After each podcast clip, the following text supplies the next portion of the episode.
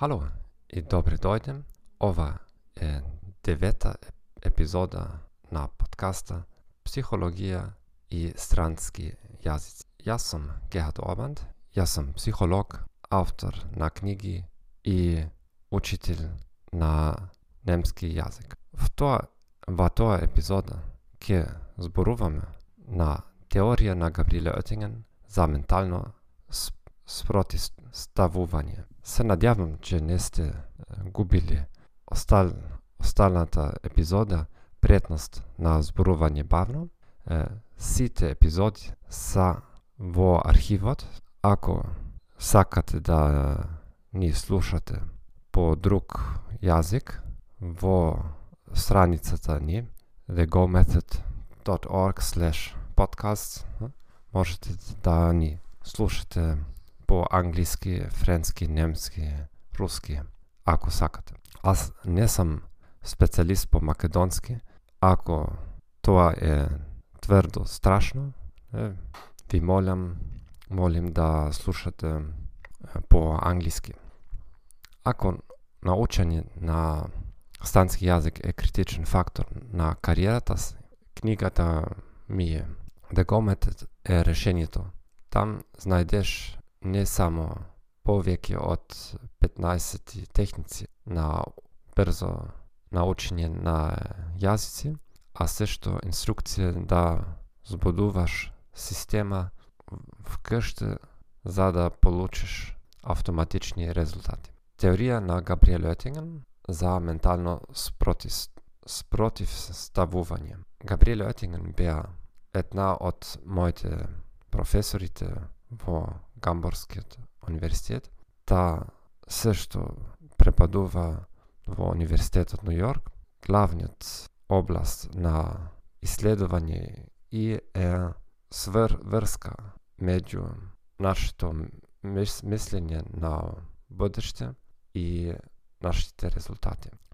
Та е известна в науковата среда за теориите, теориите и за ментално спротивставување. Тя знае, знајде, че дека има два непродуктивни видове на мислење на будеште. Прв тип позитивна мис, мислење. Студентите, учените кои започнуваат да учат јазик и мислеч дека изучавањето е многу лесно, сек, секој човек може да научи брзо секој јазик, а друг тип на непродуктивни начин да мислите е луѓето кои се зблокиравани в негативна негативната реалност сега немам време, немам возможност, нем, немам пари, немам возможности да путувам страни, странски, стра,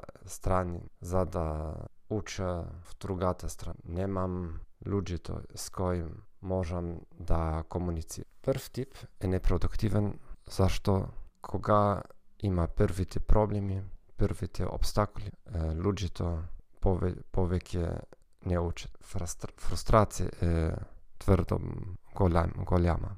А друг тип не започна да учи. Нема сенсу да започнеш ако немаш време, пари, луѓето за комуникација, комуникација и така. Да. Менталното спротистување, спротивување работа е с многу многу типи луѓе, Луѓе кои правят реабилитација след операцијата, луѓето кои сакат нова работа, нов партньор в живота, кои сакат да бросят негативни навики, да повеќе не пушат, што треба да правиш? Попрв да пишеш список со три негати...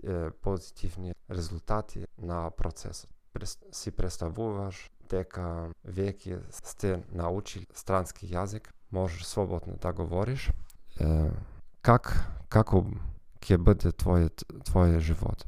Може би имаш нова работа, можеш да работаш в другата страна, можеш да учествуваш во конференциите, ще ќе получиш наградите, им, ќе имаш возможности да се обстуваш с интересните луѓе и така дале.